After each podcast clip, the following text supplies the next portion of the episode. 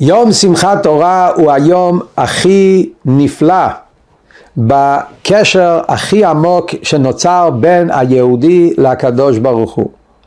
הזוהר אומר לנו שיום שמיני עצרת זה היום שבו ישראל ומלכה בלכודוי, כלומר עם ישראל והקדוש ברוך הוא נמצאים בלבדם, רק הם לבד מתאחדים ומתייחדים בצורה הכי נפלאה והכי עמוקה ומשם פורצת השמחה הכי גדולה שיהודי לוקח את הספר תורה ורוקד איתו ושמח איתו כי בו ברגע הזה יש רק יהודי עם הקדוש ברוך הוא ועל ידי התורה הם נהפכים למציאות אחת ויחידה.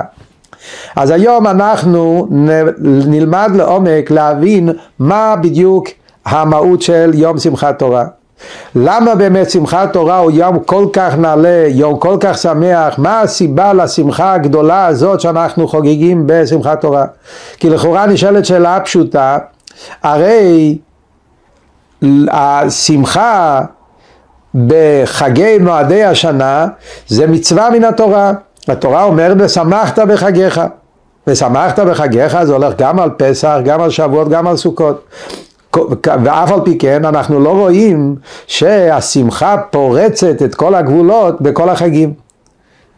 הגמרא אומרת אין שמחה אלא בבשר, אין שמחה אלא ביין, וצריכים לקנות מתנות לאישה, לילדים, זה צורות שונות איך לחגוג את השמחה, אבל השמחה הזאת שפורצת כל גבולות בריקודים ושעות על גבי שעות, לא מוצאים את זה בכל שאר החגים, גם לא בחג הסוכות, למרות שחג הסוכות נקרא זמן שמחתנו.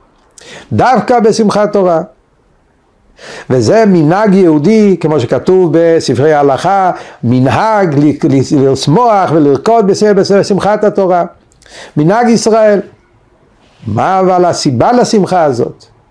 וכאן יש לנו כמה שאלות פשוטות שאנחנו רוצים להבין בקשר לשמחת תורה, וכשנבין אותם לעומק אנחנו נראה איך שבאמת יום שמחת תורה הוא בעצם היום של נקודת השיא שכל מועדי חודש תשרי והיום של נקודת השיא שבו הקשר של יהודי עם הקדוש ברוך הוא הוא בצורה הכי עמוקה והכי נפלאה וזו בעצם סיבת השמחה שפורצת כל גבולות שאנחנו רואים בכל קהילות ישראל.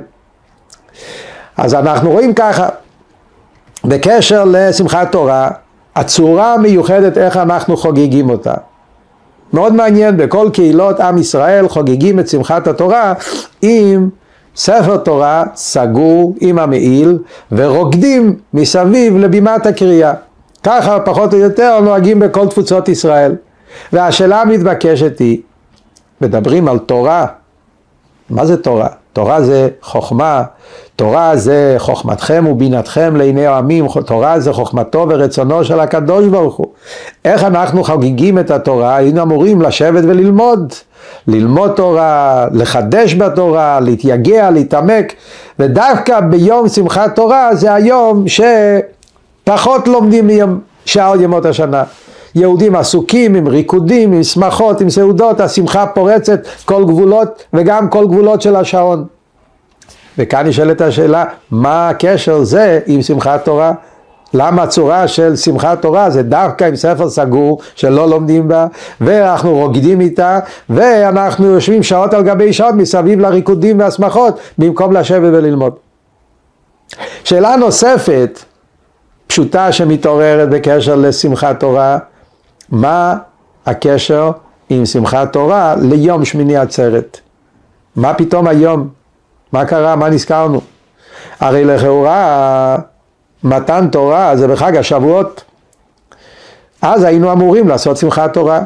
קיבלנו את התורה בחג השבועות, וירד השם על הר סיני, השם נתן לנו את עשרת הדיברות ביום ו' בסיוון, אז ואנחנו אומרים בתפילה על זמן מתן תורתנו, אז היינו אמורים לחגוג את שמחת תורה. מה, אנחנו, מה השמחה הזאת שמחכים עכשיו, שמיני עצרת, דווקא עכשיו הזמן לסיים את התורה, נכון? זה הזמן שאנחנו מסיימים לקרוא את ספר התורה, אבל זה עצמו צריכים להבין, למה אז אנחנו מסיימים לקרוא את התורה? למה החכמים כשתיקנו את ההלכות של קריאת התורה, סידרו אותה באופן כזה שבשמיני עצרת מסיימים לקרוא. היו יכולים לסדר את הלוח ואת כל הסדרים באופן שבחג השבועות מסיימים לקרוא את התורה, ואז חוגגים בשמחות וריקודים. לא, שמיני עצרת. מה הקשר?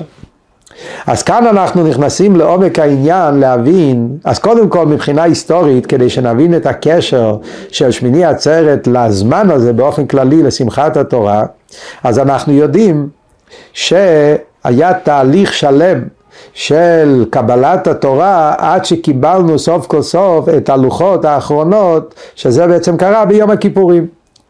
הקדוש ברוך הוא נתן את התורה, עשרת הדיברות בחג השבועות, ואחרי זה עדיין עברנו תהליך שלם.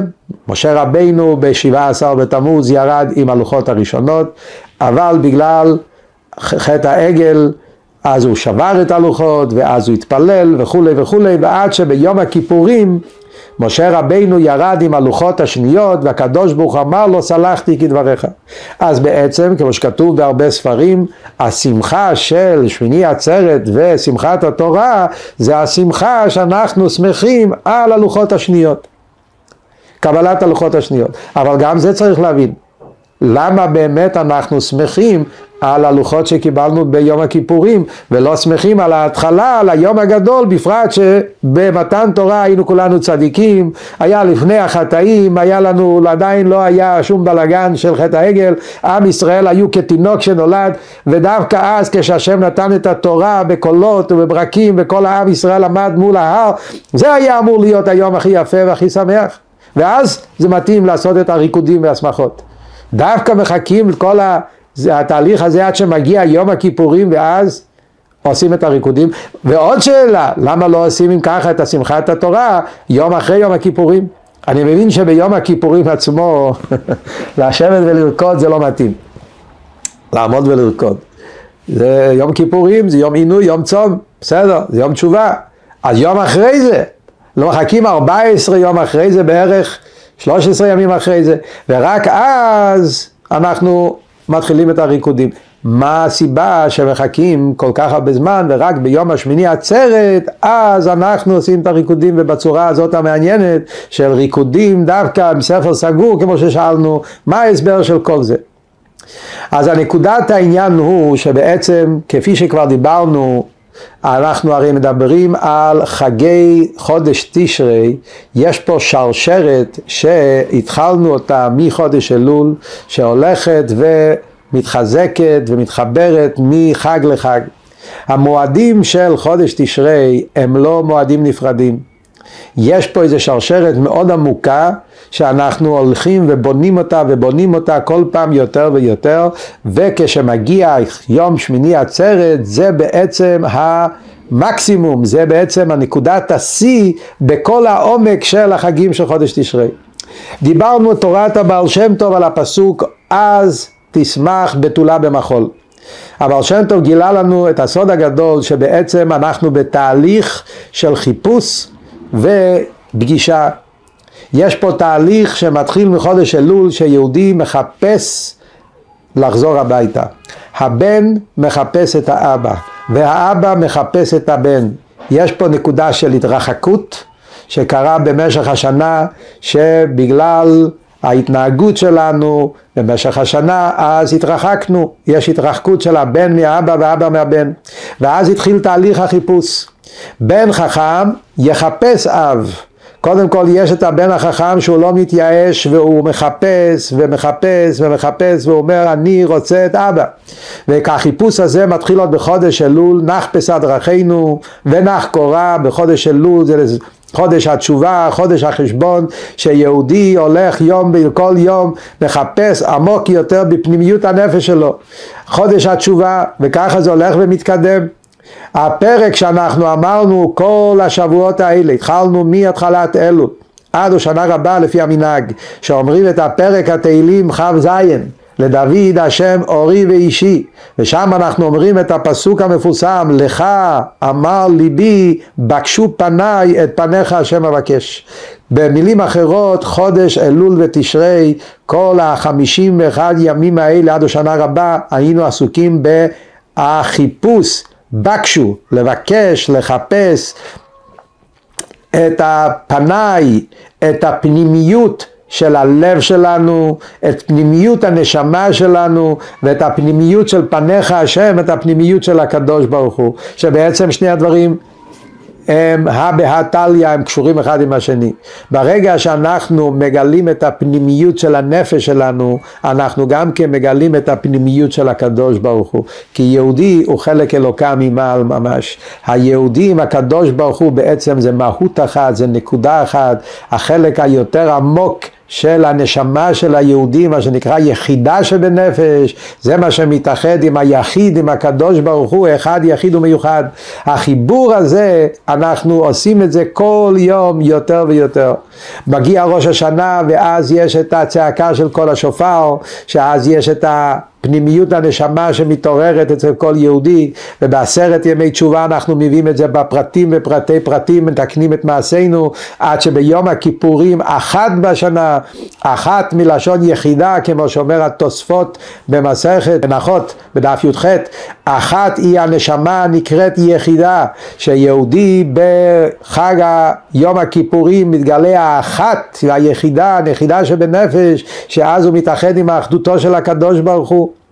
ואז מגיע אחרי יום הכיפורים, שזה היום של החיבור, זה היום של הפגישה, שזה מתחיל עם כל עבודת התשובה של יום הכיפורים, שזה מגיע מהמרירות הכי עמוקה של החיפוש והקשר שיהודי בונה עם הקדוש ברוך הוא, ועד לנקודת השיא של יום הכיפורים, שאז זה בתפילת נעילה, כמו שדיברנו, שנעילה זה שנועלים את השערים, והיהודי נמצא יחד עם הקדוש ברוך הוא בלבד, ואז ואז מתחיל החיבוק של האהבה, הבן חכם ישמחיו, ישמחיו, כמו שאומר שלמה המלך במשלי, השמחה הגדולה שיש לאבא מהבן החכם שחיפש אותו ומצא אותו, ובפגישה הזאת מתחיל תהליך השמחה. וזה בעצם מצא יום הכיפורים. זה התשובה האמיתית, כמו שדיברנו תורת הבעל שם טוב, שתשובה זה לא רק על חטאים ועוונות. מהות התשובה זה בעצם שהנשמה שבה אל בית אביה כנעוריה, הנשמה שבה לעומק הפנימי שלה, שבה לעצמה, שבה לעומק הפנימי שלה, ושם היא פוגשת את העומק הפנימי של הקדוש ברוך הוא ומתאחדים ומתמזגים למציאות אחת. ומשם מתחיל תהליך השמחה. זה עד יום הכיפורים אנחנו כל הזמן בתנועה של לעלות, לחפש עד שמגיעים למציאה בתפילת הנעילה זה החיבור. ואז מתחיל את השלבים של השמחה שזה להביא את השמחה ואת זה גם כן לוקח תהליך שלם עד שאנחנו מביאים את זה למקום הכי עמוק וזה בעצם ה... שבע ימים של חג הסוכות ובהגיע יום השמיני, שמיני עצרת. אז בשבע ימים של חג הסוכות התורה אומרת לנו תשבו שבעת ימים. יהודי יושב בסוכה, הסוכה מסמלת את החיבוק, מסמלת את האהבה, הסוכה זה ארבע דפנות והסכך, אז כמו שכתוב בספרים, העניין של הסוכה, זה סוכת שלומך, זה מבטא את החיבוק הגדול שהקדוש ברוך הוא מחבק כל יהודי, כמו שאומר הרב הבלייבי יצחק מברדיצ'וב, שבסוכה כתוב שצריכה להיות שתי דפנות וטפח, או שלוש דפנות וטפח, תלוי אה, בכאן לפי השיטות. אז אומר רב לוי יצחק מברדיצ'וב שזה בעצם הצורה של החיבוק. אם אנחנו מסתכלים בחיבוק הגשמי, אז יש את הגוף של האדם, יש את הזרוע ואת היד, ואז יש את כף היד, שזה בעצם שלושה דפנות וטפח, שזה הכף היד. זה מבטא החיבוק הגדול הזה שהקדוש ברוך הוא וימינו תחבקני, כמו שאומר שלמה המלך בשיר השירים, שמאלו תחת לראשי. וימינו תחבקני. מסביר על זה אדמו"ר הזקן, בעל התניא. שמאלו תחת לראשי זה בראש השנה. זה הזמן של שמאל, שמאל דוחה, מידת היראה, ימים נוראים, זה זמן של התעוררות היראה אצל יהודי שקשור עם יד השמאל. שמאלו תחת לראשי. הראש, הנשמה של יהודי מתעוררת בגלל היראה שמתעוררת בימים האלה. כמו שדיברנו, זה לא יראת העונש, זה יראת הרוממות, אבל זה השמאלו תחת לראשי. מגיע הימים החצי, החצי השני של חודש תשרי, ואז ימינו תחבקני, החיבוק הגדול שהקדוש ברוך הוא מחבק אותנו. אז תשמח בתולה במחול. אחרי שבעת ימי הסוכה, שיהודי שבע ימים בתוך הסוכה אוכל ושותה ויושן ועושה את כל ההנהגות בתוך הסוכה, מוקף בחיבוק הגדול של הקדוש ברוך הוא והוא לומד שגם כשאתה אוכל וגם כשאתה יושן וגם כשאתה מטייל אתה מוקף עם הקדוש ברוך הוא, מביא את הקדוש ברוך הוא ליום יום שלו אחרי השמחה הגדולה הזאת ואז יש גם את הארבע מינים שזה כמו שדיברנו שהעניין של הלולה וארבע מינים זה להביא את זה ללב, להביא את כל הדבר הזה הגדול, האהבה הגדולה הזאת לתוך הלב, בפנים, לקחתם לכם, אז מגיע היום השמיני, א' ז', אחרי השבע השמיני, מספר שמונה מבטא את המעל הטבע. שבע זה שבעת ימי השבוע, שבע מסמל את הגבולות. שבעת ימי השבוע, שבע שנים של שמיטה, מספר שבע זה שבעת ימי בראשית, זה הכל דבר שקשור עם הטבע. שמונה מסמל את האינסוף. שמונה מבטל את הפריצה של הגבולות, כי בהגיע יום השמיני האלף שעל הזין, זה אז העניין של שמונה, זה החיבור הכי עמוק, הבלתי מוגבל שנעשה בין הקדוש ברוך הוא לכנסת ישראל, שלכן השמחה היא שמחה בלתי מוגבלת. בנוגע ליום השמיני עצרת, מסביר לנו אדמו"ר הזקן את ההסבר הנפלא, מה הפירוש של המילה עצרת. עצרת זה חג. זה הפירוש בתורה, כשמדברים על עצרת, זה תעצרו כמו שכתוב ברש"י, לעצור ממלאכה, ולעצור זה להתאסף ולחגוג, זה, זה עניין של עצרת, עצרת זה סוג של חג, אבל יש משהו יותר במילה עצרת. עצרת זה גם כן מלשון לקלוט. כשבן אדם אומר תעצור, ועצור הכוונה להתעכב, להתעכב כדי לקלוט את הדבר בצורה יותר עמוקה. ביום השמיני עצרת תהיה לכם, מסביר לנו אדמו"ר הזקן, זה היום שבו היהודי קולט באופן פנימי, זאת אומרת הוא מפנים במקום הכי עמוק שלו כל מה, מה שהיה פה בחודשיים האחרונים. כל מה שקרה בחודש אלול, כל מה שקרה בימי הסליחות, ראש השנה, עשרת ימי תשובה, יום כיפור, ארבע ימים שבין יום כיפור לסוכות, ימי חג הסוכות או שנה רבה, מגיע יום השמיני עצרת. כלומר, היום זה היום שאנחנו קולטים, מפנימים, לוקחים את כל זה ומכניסים את זה עמוק עמוק בפנים, בתוך הלב, בתוך הנשמה שלנו, והקליטה הזאת זה לשמור על זה, להחזיק את זה, ועם זה אנחנו לוקחים כוח על כל השנה כולה. השמחה הזאת של שמיני עצרת, זה השמחה הנפלאה שיהודי שמח עם הקדוש ברוך הוא, והקדוש ברוך הוא שמח עם היהודי. ברגעים האלה מתעוררת הנקודה הכי, ביום הזה של שמיני עצרת מתעורר הנקודה הכי עמוקה של יהודי עם הקדוש ברוך הוא. ובעצם זה אנחנו רואים גם כן בקורבנות של שמיני עצרת. רואים דבר נפלא, בקורבנות החג היו המון קורבנות, המון. מסתכלים בפסוקים שקוראים בקריאת התורה של חג הסוכות, יש המון קורבנות, בפרט הפרים, כמו שכתוב במדרשים, היה 70 פרים כנגד 70 אומות העולם, שזה בעצם השפעת החיות לכל העולם מימי הסוכות. מגיע יום שמיני עצרת, התורה אומרת, ביום השמיני עצרת תהיה לכם, ומה מקריבים? פר אחד, איל אחד. כאן אין מספרים יש רק פר אחד, איל אחד. אומר המדרש כנגד ישראל. כל הפרים והקורבנות קשורים כנגד אומות העולם. השפעת האחריות לכל אומות העולם, הללו את השם, כל גויים שבחו, כל האומים, זה, כל, זה בחג הסוכות. שמיני עצרת, כמו שאמרנו קודם מהזוהר, לכם.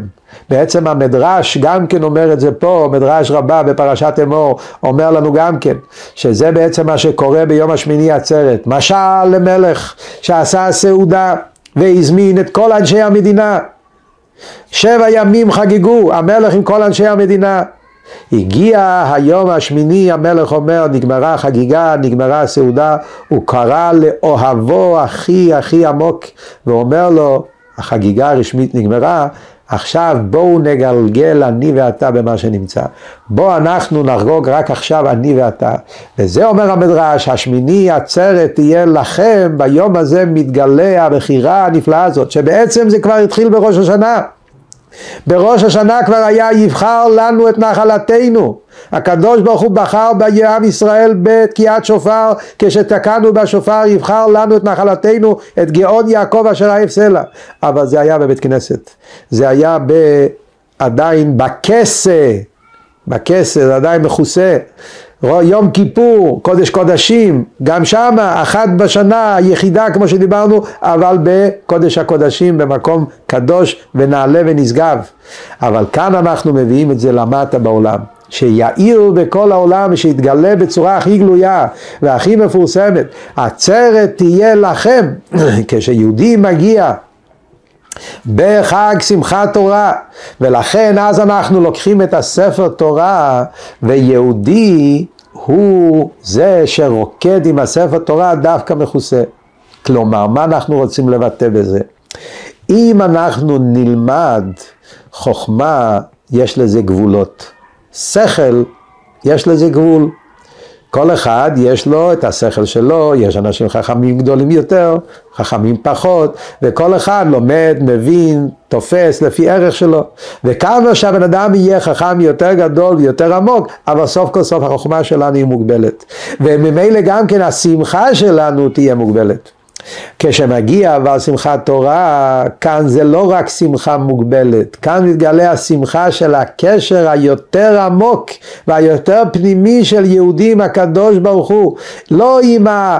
חוכמה מוגבלת, אלא עם החוכמה האינסופית, עם, הח... עם התורה כפי שהיא נמצאת כביכול עם הקדוש ברוך הוא בעצמו. התורה הרי היא חמדה גנוזה שהיא בעצם דבר אחד עם הקדוש ברוך הוא בעצמו למעלה מכל הבנה והשגה.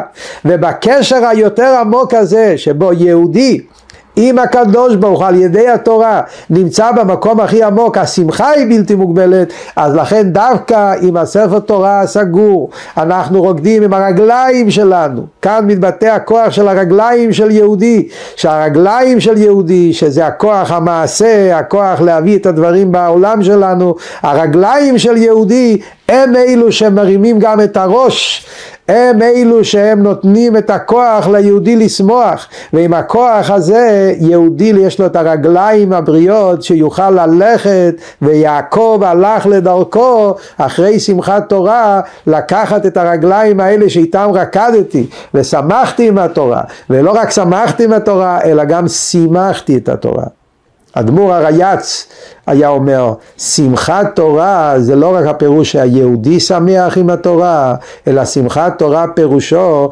שהתורה שמחה. שמחת התורה. התורה רוצה לרקוד.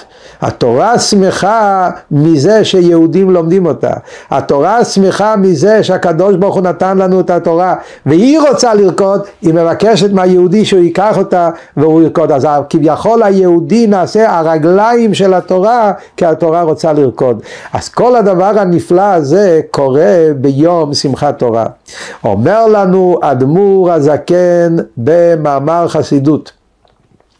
יום שמיני עצרת, יום שמחת תורה הוא היום שבו כל יהודי מקבל את שפע הנהגתו בתורה ועבודת השם על כל השנה כולה. תשמעו מילים נפלאות שאומר אדמו"ר הזקן. ביום שמיני עצרת הקדוש ברוך הוא נותן לכל יהודי את השפע, ההנהגה שלו בתורה ובמצוות על כל השנה כולה. הוא אומר שלכן אנחנו אומרים מוריד הגשם, בתפילת גשם אומרים בשמיני עצרת שמחת תורה כי זה התפילת גשם מסמל את גשמי הברכה שבו הקדוש ברוך הוא נותן לכל יהודי את שפע הנהגתו בתורה ומצוות. והרי בחוקותיי תלכו אז הקדוש ברוך הוא מבטיח לנו גשמכם בעיתם אז כל הגשמים שזה כולל את כל הגשמיוס ואת כל הברכות כולם עוברים דרך השמחה הגדולה של יום שמחת תורה.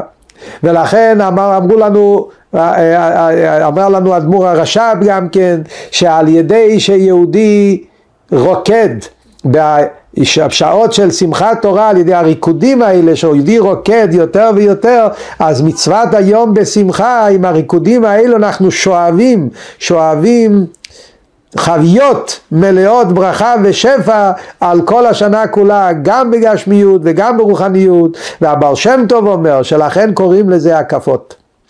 הקפות פירושו כמו שבן אדם הולך לחנות והוא קונה בהקפה, הוא קונה ואחרי זה הוא ישלם. הקפות פירושו שהקדוש ברוך הוא אומר ליהודי, תשמע, אני נותן לך את הכל. שמחת תורה פורצת כל גבולות, שמחה פורצת גדר. ביום הזה הקדוש ברוך אומר ליהודי, אני נותן לך שפע, ברכה והצלחה והכל. בשמחת תורה אומר אדמו"ר הרייץ נפתחים שערי אורה, שערי ברכה, שערי הצלחה וממילא השם אומר אני נותן לך את הכל בהקפה במשך השנה תשלם לי לפי היכולת שלך.